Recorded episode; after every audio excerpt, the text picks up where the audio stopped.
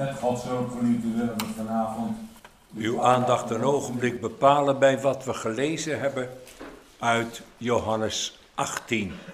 En wel bijzonderlijk het laatst gelezen, dus het elfde vers. En we hebben daar dan als volgt gelezen, Jezus dan zeide tot Petrus, steek uw zwaard in de schede. De drinkbeker die mij de Vader gegeven heeft, zal ik die niet drinken? Tot zover. Geliefden, we komen twee koninkrijken in deze tekst tegen, in dit schriftgedeelte.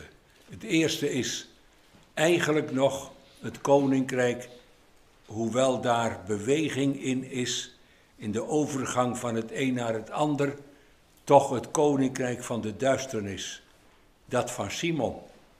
Simon Petrus, om duidelijker met vers 10 te zeggen om wie het gaat. Wij kennen die twee namen van de discipel die uitgesproken had dat gij zijt de Christus, de zoon van de levende God. En dan droeg hij de naam Simon en hij krijgt Petrus erbij. En dat betekent rotsman.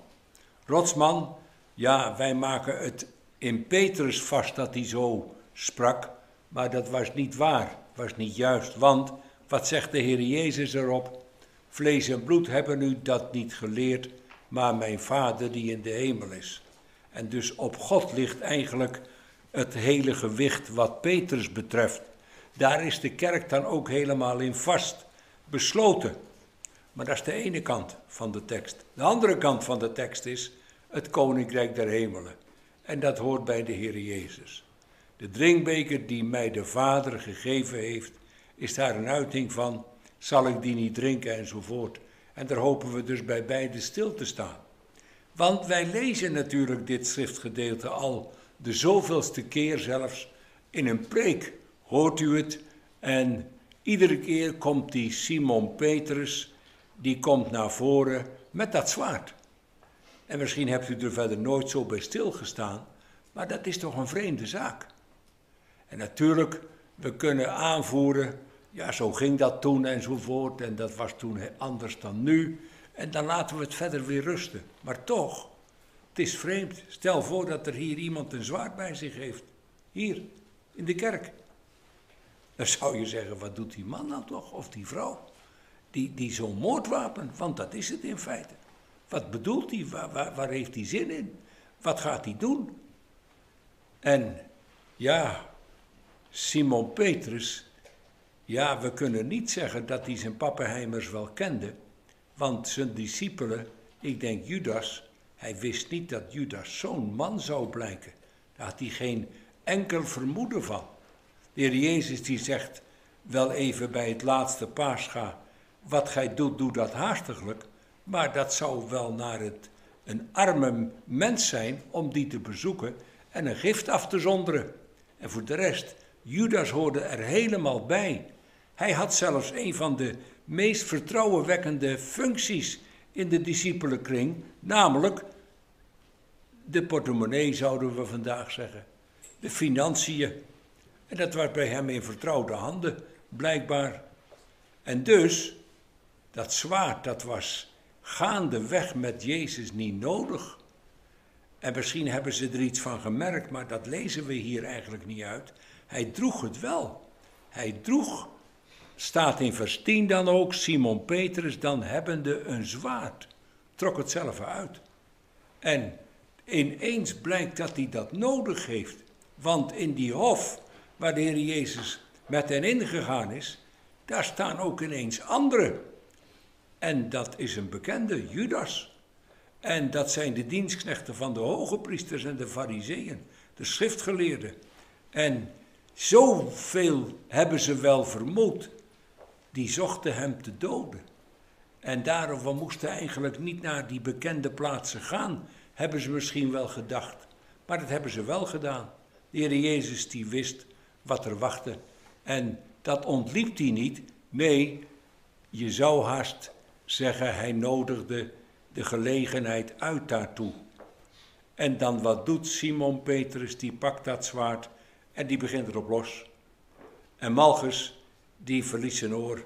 Dat is de eerste. Als dat iets de andere kant op was gegaan, naar het hoofd, had die man al niet meer geleefd, om het zomaar uit te drukken.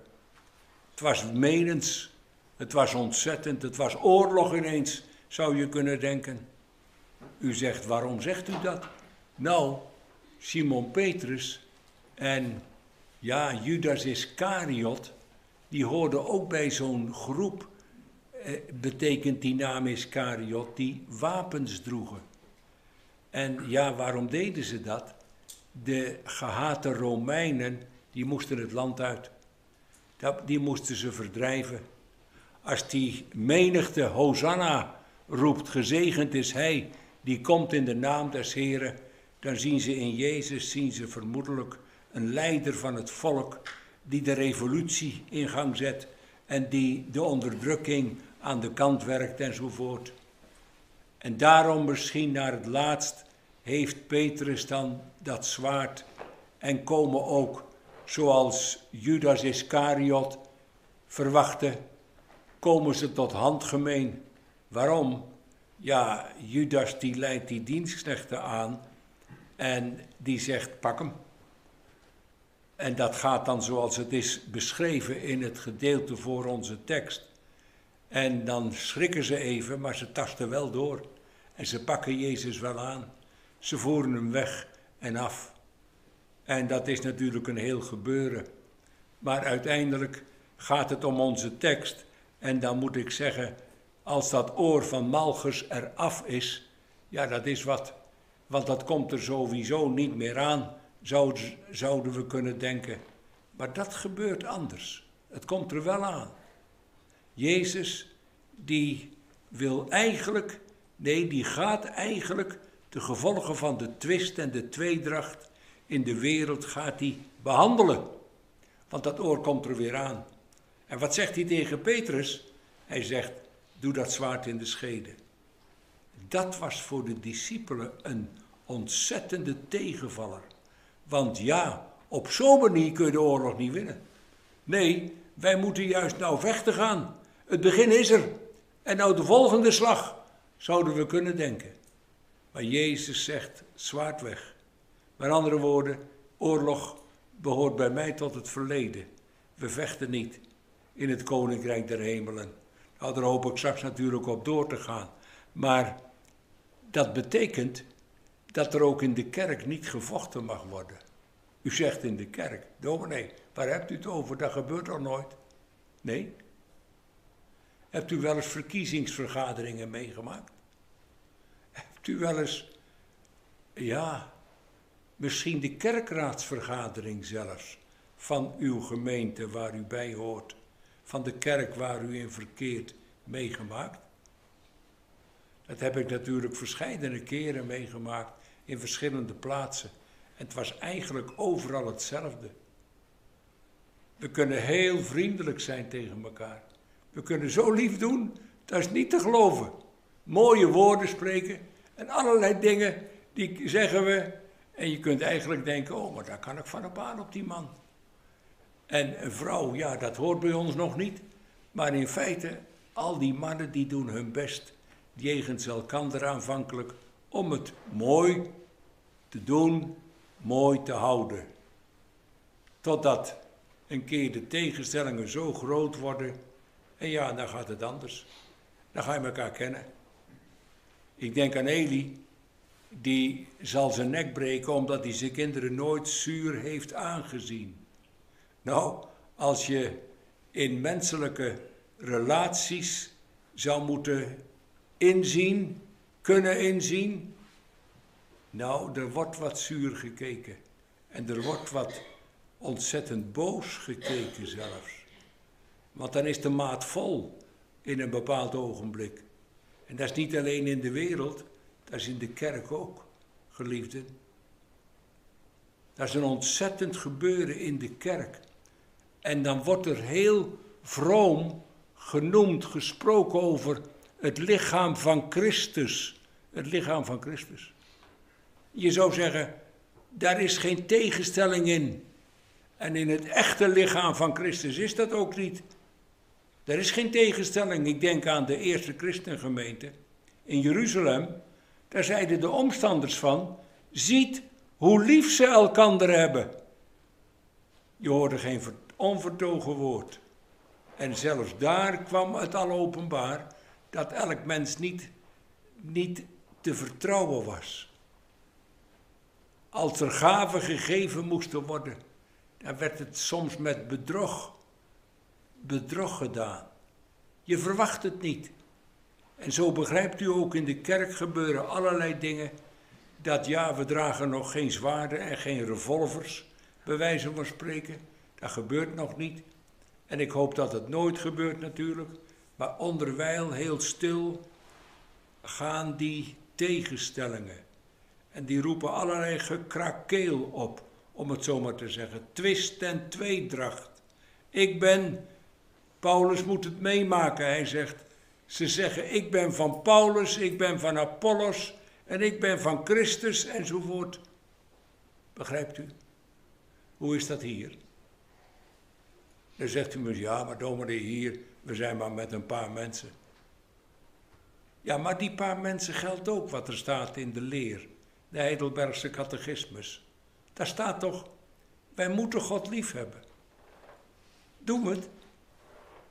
Heb ik het over de relatie met de hemel? Hebben wij God lief? Is dat het antwoord wat Jezus krijgt, om het zo maar te zeggen, in de Heidelbergse catechismus? Jezus die zegt, je kent je ellende uit de wet Gods. Die leert dat je God moet liefhebben boven alles en je naaste als jezelf. En dan is de volgende vraag en het antwoord, gebeurt dat ook? Nee, wij zijn, u en ik, van nature geneigd God en mijn naaste te haten. Kijk, uit haat komt gekrakeel voor. Daar komt doodslag naar voren. Daar komt twist en tweedracht naar voren. En dat is overal. Dat is overal. En dan zegt u misschien, nou, in uh, Nederlandbroek, daar valt het nogal mee. Ik heb er eigenlijk nooit zozeer van gehoord, zegt misschien iemand. Dus dat gaat hier nog wel. Ja, totdat, geliefden. Maar laat ik naar dat gezin kijken, naar dat echtpaar kijken. Laat ik naar die familie kijken. Hoe is het in die kringen, in die andere kringen? In de gezinnen? Ik denk aan de echtscheidingen van onze tijd, geliefden. Dat is toch ontzettend wat er gebeurt allemaal. We hebben net in de kerk gezegd: ja, heren, we geven elkaar de belofte voor het hele leven. En voordat het jaar om is, kan het wel zijn dat ze al uit elkaar zijn. En soms nog eerder. Twist en tweedracht. Vreselijk. Een man met zijn vrouw. En omgekeerd. Ouders met hun kinderen. Enzovoort. Overal twist en tweedracht. Erfenissen. U hebt vast die regel wel eens gehoord. Ergernissen. Daar komt wat uit voort, geliefden. Niet buiten de kerk alleen, in de kerk precies hetzelfde. Ik heb het meegemaakt in, mijn eerste, in een van mijn gemeentes, moet ik zeggen, dat ik zei, waarom kom jij niet meer in de kerk? Als ik op huisbezoek ging. En toen zegt die man tegen me, ja, maar hij zit er ook. En die wil ik niet meer zien. Kijk, in de kerk. En dan hebben we daar misschien direct geen last van, geen oog voor. Maar wij horen van nature, laat ik het maar kort maken, geliefden, van nature horen we bij het koninkrijk van de duisternis. En dat is haat en. Dat is, ja, dat is alles wat niet mag, dat gebeurt daar. En dat wordt goed gepraat. Een ander krijgt de schuld. Weet je wie de grootste schuld krijgt? God in de hemel. Die krijgt de grootste schuld. Waarom heeft hij het zo geschapen? Waarom is het zo moeten vallen enzovoort? En dan geven we hem ook al de schuld natuurlijk.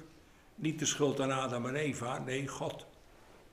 Hij had betere mensen moeten scheppen bijvoorbeeld. En zo. En geliefden, daar kunnen we mee leven. Daar kunnen we, denken we, ook mee sterven. En u begrijpt natuurlijk, zonder dat ik verder zou gaan, dat kan niet. U kunt met het, met het rijk van de vorst der duisternis kunt u niet leven en kunt u ook niet sterven. U kunt proberen om uw leven lang keurig netjes voor de dag te komen, maar een keer valt u door de mand. Op en onder de kansel. Niemand uitgezonderd. We zijn allemaal van hetzelfde laken, zeggen we dan, een pak. En dat is wat, geliefde. En zonder dat we een zwaard dragen, zoals Simon Petrus, kunnen we blikken werpen die doden zouden kunnen. Doden. Kun je driftig, boos, verkeerd, noem maar op. En je probeert in al de gevallen probeer je schuldloos tevoorschijn te komen. Met andere woorden, het is de schuld van die ander. Of het is de schuld van God. Geliefden, beseft u, beseffen we dat we die strijd een keer moeten verliezen. Moeten verliezen. Ik was gisteren was ik genodigd bij een condolianceplechtigheid. Daar zijn we, mevrouw en ik, ook heen gegaan. Een vrouw uit Doornspijk stond boven aarde. En we hebben ze gezien. En ik heb vaak doden gezien, uiteraard, vanwege het gemeentewerk en de begrafenissen die volgden. Maar nu keek ik anders. Het was geen werk van me. Een ander deed dat werk. Maar daar zag ik een vrouw die ik jaren had begeleid. En die jaren sprak, of luisterde, of liep, of deed. En nou lag ze stil. En ik denk even aan de kleinste mensjes in ons midden. Dat is wat. Daar kun je tegen praten en geeft nooit meer antwoord. Beweegt ook niet meer. Die mond is dicht, die ogen zijn dicht, die handen liggen wel samen, vredig samen, maar ze zijn levenloos. En straks sterven, zo heet het in de Bijbel, is God ontmoeten. God ontmoeten. En God kijkt overal dwars doorheen met eerbied gesproken. En daar zegt hij, ik ken u, of ik ken u niet, een van beiden. En als we nooit bij het rijk van Christus gebracht zijn, en daar ga ik straks, als God het geeft, op in, nou, dat is wat. Weet u wat de schrift dan ook zegt? Het is vreselijk om te vallen in de handen van de levende God. Kijk, hier kunnen we nog wat zijn. We kunnen hier een hooggeplaatst persoon zijn, bijvoorbeeld. Maar voor God telt dat allemaal niet. Dat rekent niet. Alleen het bloed van Christus, dat reinigt van alle zonden.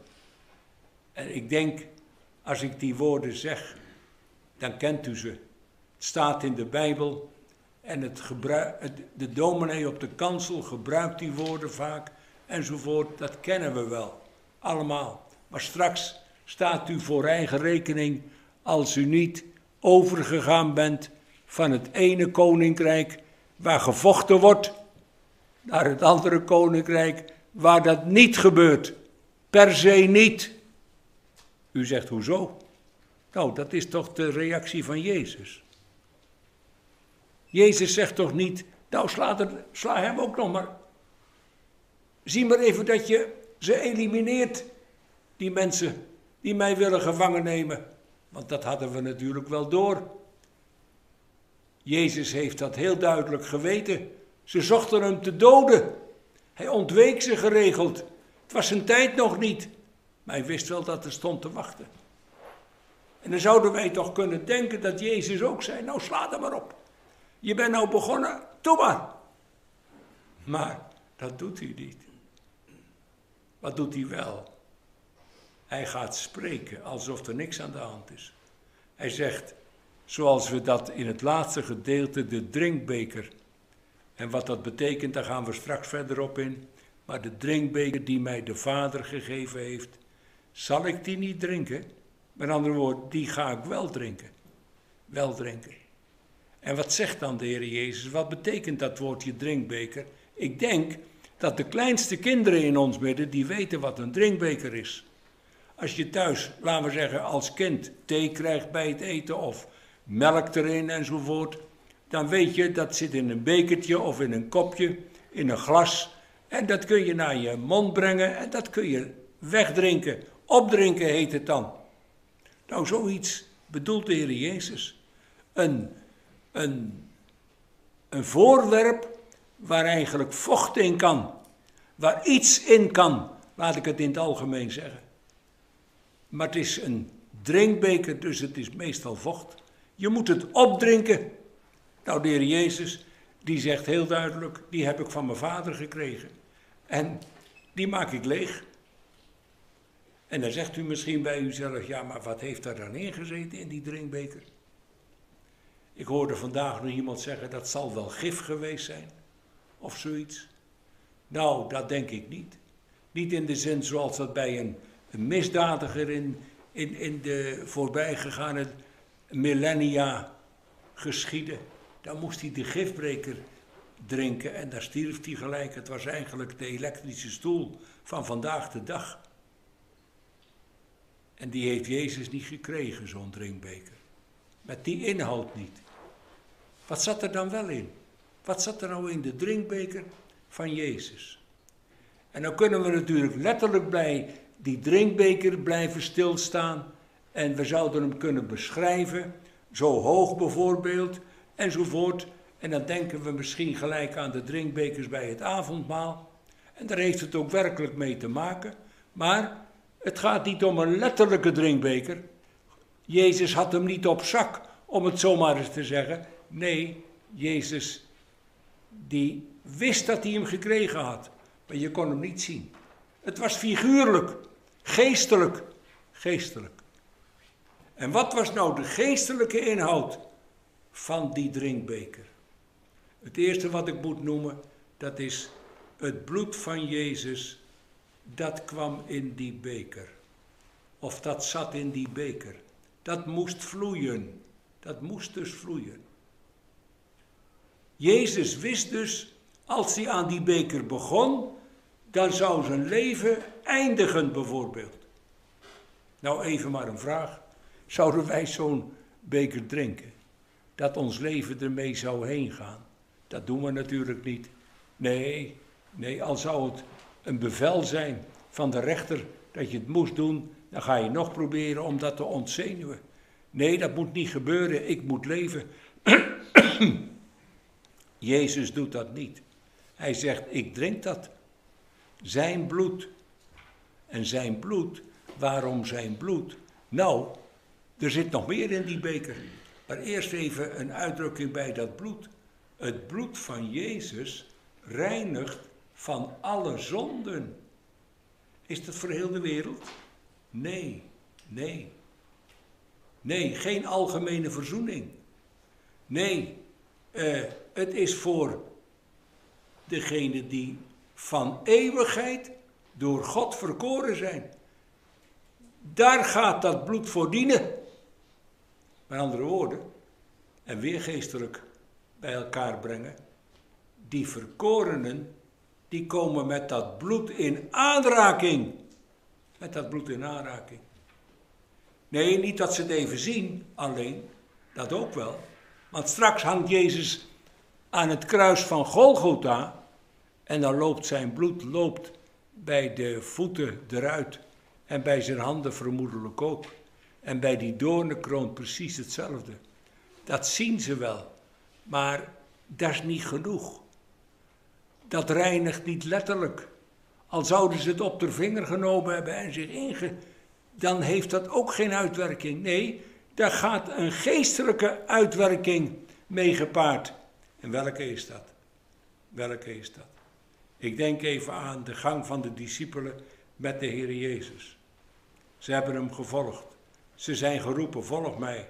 Ze volgen hem. En als Jezus overlijden en sterven begint, dan zeggen ze eigenlijk allemaal, nee, dat niet. Zo niet, geen oorlog. Hoewel hier moet het dan gebeuren tenslotte, want het kan niet anders. Begrijpt u? Dat bloed van Jezus, dat neemt hen mee naar een plaats waar ze niks mee kunnen. Niks overhouden dan de welverdiende straf. Geliefden, de overgang, ik zei het zojuist, van het rijk van de duisternis naar dat van het licht, of van oorlog naar vrede, die gaat met bloed gepaard. Wat is dat bloed? Nou, dat is de weg die Jezus naar Golgotha maakt. Weet u wat u daarin meemaakt? Daar maakt u mee dat alle hoop je gans ontvalt, omdat er niemand meer is die voor je ziel zorgt. Hoezo? De woorden van Jezus, het profetisch ambt van Jezus, wat doet dat? Dat ontdekt je aan je bestaan, wie je bent. Wat je niet wil weten, wat je niet wil laten blijken, wat je verbergt, maar wat je wel bent. Wezenlijk. En Jezus haalt het eruit, steeds duidelijker. Ik denk aan de weigering van Simon Petrus. Nee, heren, dat zal u geen zins geschieden. Nog twee keer hoort hij diezelfde leidersaankondiging. En als Jezus tegen hem zegt, Simon, niet meer Petrus, maar Simon, Simon, de Satan heeft u lieden zeer begeerd om te ziften als de tarwe, maar ik heb voor u gebeden. Dan gaat hij er nog tegenin. Dan zegt hij eigenlijk, dat heb ik niet nodig, al moet ik mijn leven voor u zetten. Dan doe ik het. Nou, we weten hoe dat allemaal is afgelopen. Maar met Jezus kom je, wat je eigen gedachten betreft, verkeerd uit. Dat gaat nooit goed. Omdat je de werkelijkheid, die je altijd onder water hebt gehouden, die komt naar boven, steeds duidelijker. Paulus zegt het nou ontvangen genade. Ik ellendig mens, wie zal mij verlossen? Voor de weg naar Damascus zei hij dat niet. Hij hield daar helemaal geen rekening mee zelf. Hij deed het prima. En u en ik zijn van nature net zo. We vasten tweemaal per week. Ik denk even, we gaan tweemaal per zondag naar de kerk bijvoorbeeld. En we geven tiende van alles wat we bezitten. We zijn eerlijke mensen, althans zo stellen we het voor. En wat ontbreekt ons eigenlijk? Maar geliefden, we hebben de twaalfjarig bloedvloeiende vrouw als ontzettend voorbeeld wat een mens nou is. Wat is een mens dan? Twaalf jaar heeft die vrouw geprobeerd om met eigen middelen, met God, met eerbied spreek ik het uit, klaar te komen. Dat hij straks niks meer zeggen kan. En wat staat er dan? Dat is heel kenmerkend voor het werk van Christus. Je, doet, je geeft alles eraan ten koste. Heel je bezit gaat eraan. Je vermogen, alles. Je probeert met eigen krachten, probeer je klaar te komen. En het wordt alleen maar erger, staat er dan in een van de evangeliën, met wie het alleen maar erger wordt. Dat is de uitwerking van Jezus, geliefde. Dat wordt alleen maar erger. En dat gaat naar een dieptepunt toe. Weet u waar dat is? Bij Golgotha. Daar wordt die beker die wordt leeggedronken. Daar komt bloed in, openbaar. En dat komt bij al degenen die naar zijn voornemen geroepen blijken. Die openbaar komen met het werk van Christus. Met de overtuiging door zijn geest. En weet u, dan komt u uiteindelijk te boek te staan als de grootste van de zondaren. Je kerkgang telt niet meer, je gebeden doen niet meer mee, je avondmaalgang, ja, dat past daar natuurlijk nog helemaal niet, maar dat, dat doe je ook al om er wat mee te zijn. Dat past ook niet meer. Je doop als kind of als volwassene betekent eigenlijk ook niks meer, want je hele leven, je hele bestaan, dat gaat er tegenin.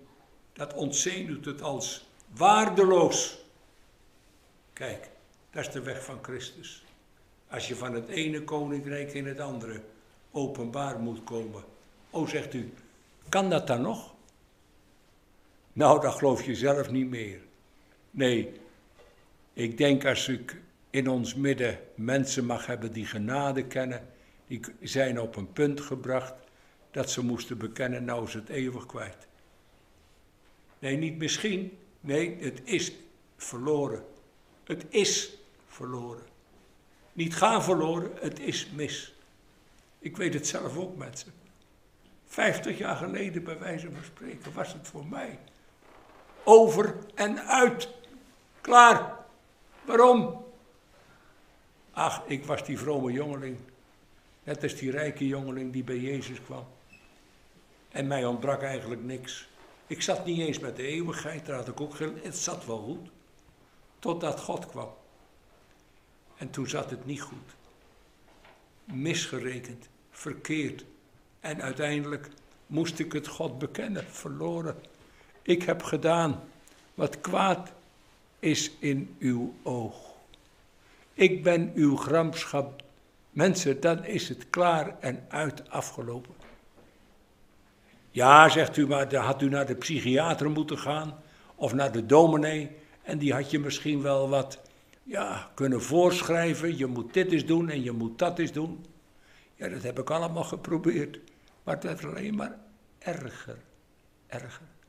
Van maand tot maand, van jaar tot jaar, verscheidene jaar. En dan tenslotte, daar zeg je met een half uur en dan is de eeuwigheid. Weet ik. Meegemaakt. Verloren. Eigen. Ik kon niemand de schuld meer geven als alleen mezelf. Kent u dat?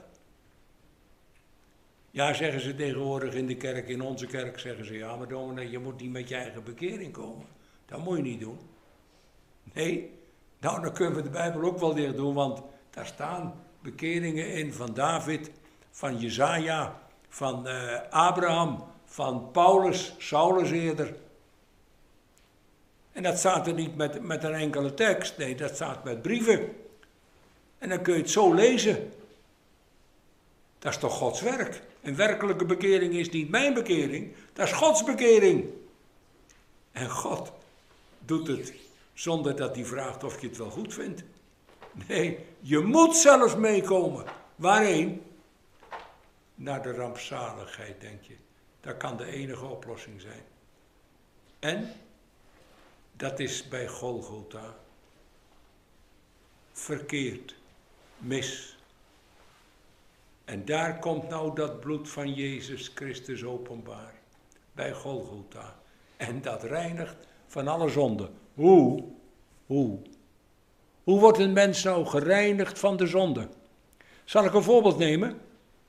U moet naar het ziekenhuis, u hebt een gezwel en de dokter zegt dat halen we eruit. En wat blijkt? U bent behandeld, u bent weer thuis en de dokter heeft gezegd, nou, u ziet er weer goed uit, u bent weer klaar voor. En wat blijkt? Hij heeft het laten zitten.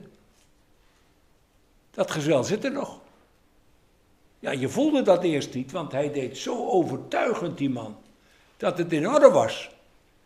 Maar even later dacht ik, oh ja, ik voel die bult nog weer. En ik, nou ja, ik ken dat gelukkig niet, maar u begrijpt wat ik bedoel. Doet God dat ook? Zegt hij nou, ik beloof je, ik zal je gezond maken. Ik zal je bekeren, enzovoort. En als u dan krijgt wat u verwacht, ja, dan gebeurt er eigenlijk niks vandaag de dag. Er zijn wat mensen bekeerd, om het eens zo te zeggen, in eigen ogen. Maar die zijn nog altijd precies hetzelfde als voor die tijd. Er is niks veranderd. Ja, in haar hoofd misschien iets, maar voor de rest helemaal niks. Maar wat doet God ook? Laat hij dat gezwel zitten? Snijdt hij het gedeeltelijk weg? Nee, heel dat oude bestaan haalt hij eruit. Dat is nou het bloed van Christus, dat haalt het. Dan ga je met hem sterven, zegt Paulus. Ik ben met Christus gekruisigd. En ik leef niet. Kijk, dat is Gods behandeling. Dat hij een stukje van je bestaan. Dat is heel je bestaan. Dat is heel je denken. Van vechten bijvoorbeeld, dat gaat eruit. Heel je denken van zelf doen, dat kan ook niet meer.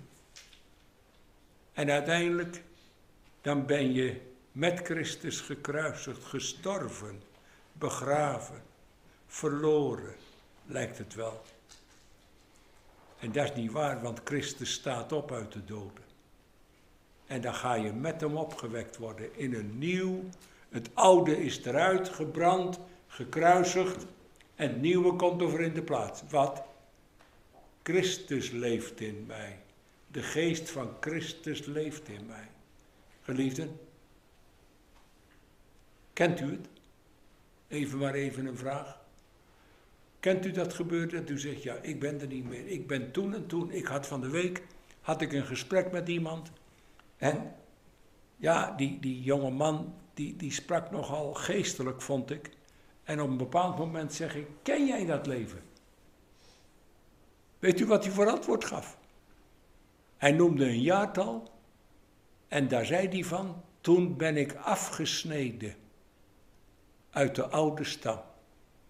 Hoort u dat? Dat is mooi. Dat geeft nou echt weer wat er nou gebeuren moet in een mensenleven om van dat ene koninkrijk naar het andere te gaan. Dat bestaan moet afgesneden worden uit die natuurlijke stam die we zijn, van natuur. Als dat blijft zitten, dan hou je die oude natuur. Dan hou je dat doodsbestaan. Waarvan geldt, je bent dood door de zonden en de misdaden. Het kan wel heel mooi lijken, want het is natuurlijk iets beter. Er is wat afgesneden, maar alles niet. Kijk, dat gebeurt in het ziekenhuis net ook. Ze halen wel een heleboel weg, maar er zit nog wat. Nou, God doet dat niet. God doet precies, die haalt alles weg. Het hele oude, je wordt met Christus de dood ingebracht. Dat oude bestaan. En ik zal het u aangeven vanuit de Heidelbergse catechismus. In de Heidelbergse catechismus staat, zondag 16. Lees het maar eens vanavond even nog thuis. Wat voor nut hebben wij meer uit het kruislijden en de opstanding van Jezus Christus? Dat onze oude mens door zijn kracht met hem sterft, met hem begraven wordt. Die raak je gewoon kwijt. Gewoon. Voor God inderdaad een kleinigheid.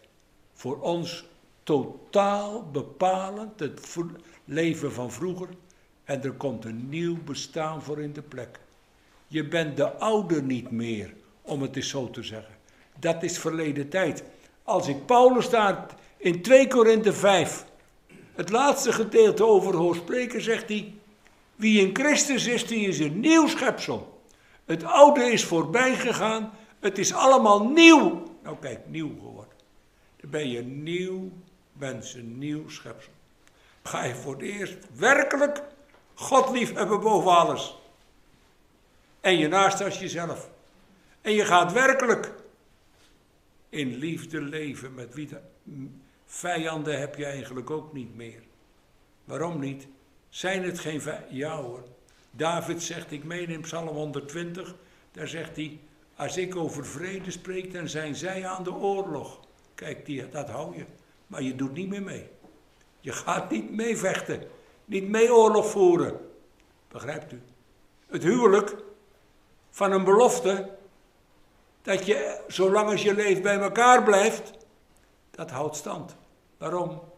Je hebt die belofte uitgesproken en voor Gods aangezicht heb je ja gezegd. En dat betekent, dat mag niet verbroken worden. Dat is een ontzettende, niet alleen echt breuk, maar dat is ook een breuk, een breuk met God. Want voor hem heb je uitgesproken dat je bij elkaar zal blijven. Nou, u begrijpt het wel. En zo kunnen we doorgaan. Met ik weet niet hoeveel gebeurtenissen in dat koninkrijk van de vorst der duisternis. Daar kan alles bij door. Je kunt gewoon je gang blijven gaan. Je doet alsof er niks aan de hand is. Maar God neemt dat niet. Dat nieuwe leven, dat is anders. En die liefdedienst die je daarin mag kennen, die is wonderlijk, geliefde.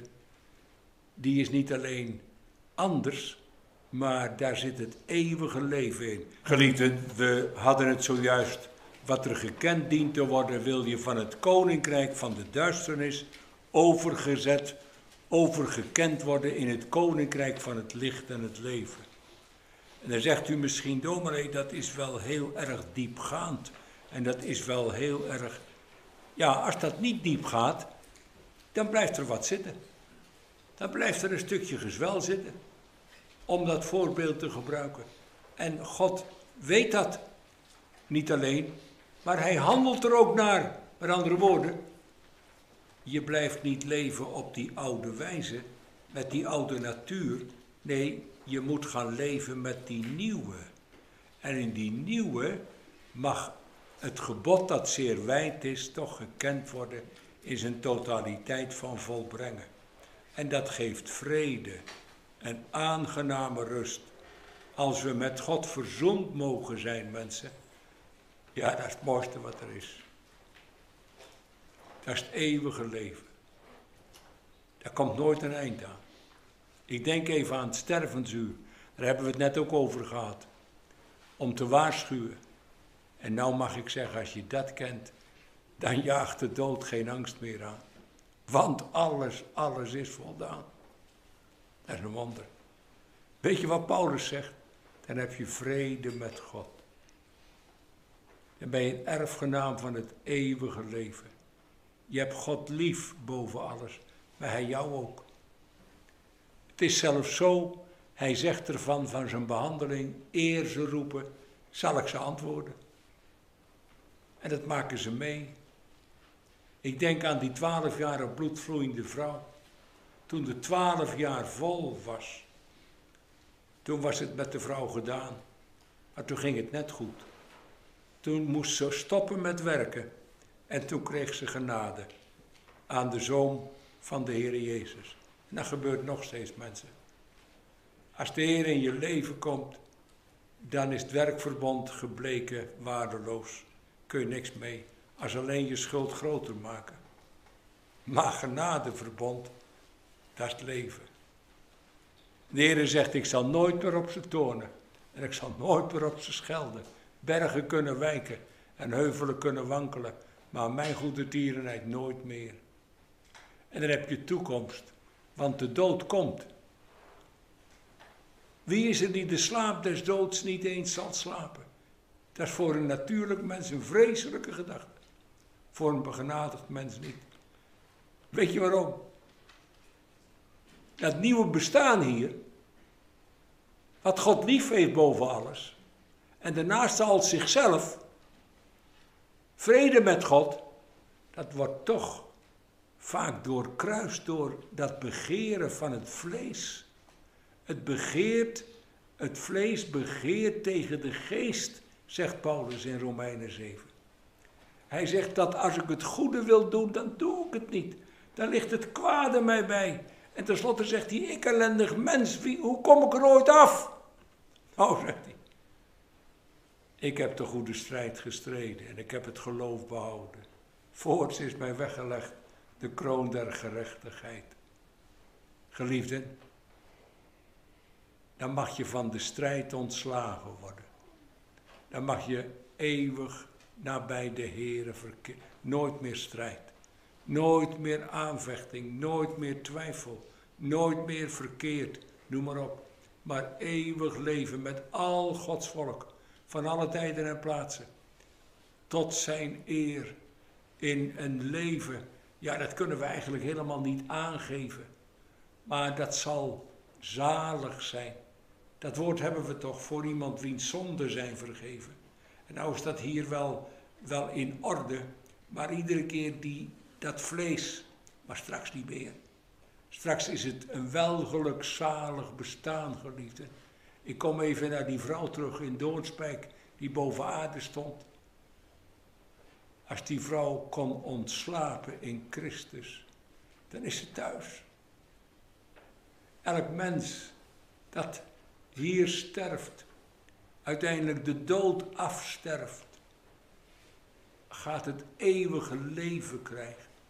Een eeuwig leven vol van heilgenot, om het zo maar te zeggen. Daar mag je, ja, dagen zijn er natuurlijk niet meer van 24 uur of van meer of minder. Maar ze tellen allemaal vol in de dienst des Heren. En dat is van dag tot dag is dat een genieting van de nabijheid des Heren. In vrede en rust en liefde en nabijheid hier. Aanvankelijk, straks, volmaakt. En dan dringt toch de vraag gemeente, hoe is dat nou in ons leven? zijn wij de grens al over? Of bent u nog aan de verkeerde kant? Het is een van beide hoor. Je kunt niet van twee walletjes eten, om het maar zo te zeggen. Nee, in Christus een nieuw schepsel, of je bent het oude nog. Je kunt praten wat je wilt. Je kunt je voorstellen wat je, je kunt spelen wat je wil. Maar daar prikt met eerbied gesproken de Heer doorheen. Alleen als je die grens in Christus Golgotha, het bloed van Christus kent in je leven, namelijk met hem sterven, met hem opgewekt worden, met hem in het nieuwe leven, dan is het goed. Dan is het goed. Daar heeft met eerbied gesproken de hemel niks op tegen. Dat is helemaal klaar. Maar buiten dat, ja, dan zal het toch vreselijk blijven. Mensen, straks gaan je ogen open. U kent dat, dat spreekwoord nog wel. Een mol, als die onder de grond zit, ja, dan ziet hij niks. En wat gebeurt er? Als hij bovengronds komt, ja, dan gaan zijn ogen dicht. Want dan kan hij dat licht niet hebben. Maar als het donker is, dan gaan zijn ogen open en dan gaat hij zien. Als hij sterft, moet ik zeggen, dan gaat hij ineens zonder die vreselijke invloed van dat licht leven. Hij is dood. En dan gaan zijn ogen open. Dat is een beeld van ons natuurlijk bestaan. Dan moeten we voor God verschijnen en dan gaan ineens je ogen open. Is het mis? Ik geloof dat Gods volk, ik hoop dat je erbij hoort en dat je het herkent. Maar Gods volk is vaak bang dat, niet, dat het niet in orde is. Vaak. Dan maken ze als het ware dat gericht mee. Hier. daar hebben ze maar één gedachte. Zit het wel goed? Klopt het wel? Maar Gods volk zal nooit zeggen met namaak, we hebben toch dit gedaan, we hebben toch dat gedaan. Zouden wij nou niet? U kent ons toch? Enzovoort. Het helpt niet. Maar Gods volk wordt straks met het grootste wonder zalig. Hier aanvankelijk, maar straks volkomen geliefden. Dan kun je rustig bij elkaars dode lichaam staan, als je dat gekend hebt. En dan weet je, nou is ze thuis. Nou is ze voor goed van zorg ontslagen. En mag ze hem roemen die blijdschap heeft gegeven. En nogmaals, als je het kent. Mensen, kennen we dat? Dat gebeuren van Christus. Dat hij eigenlijk van de Vader ook voor u gestuurd is. Om die drinkbeker leeg te drinken. Of zegt u, ik weet er niks van. Het is me allemaal vreemd dat u vanavond gezegd hebt. En al zou u er iets van verstaan, het hebben kunnen volgen bijvoorbeeld, en het is niet gebeurd, gaat het straks tegen je getuigen. Want dan heb je het geweten, de weg geweten en die bewandeld. Het is maar één van beide. Geliefden, laat zulk een dwang voor u niet nodig wezen. Wie God verlaat, die heeft smart op smart te vrezen, zingen we. En dat is wat. En dan dat wondere leven. Wij, wij zijn van nature mensen die de dood kiezen, verkiezen boven het leven.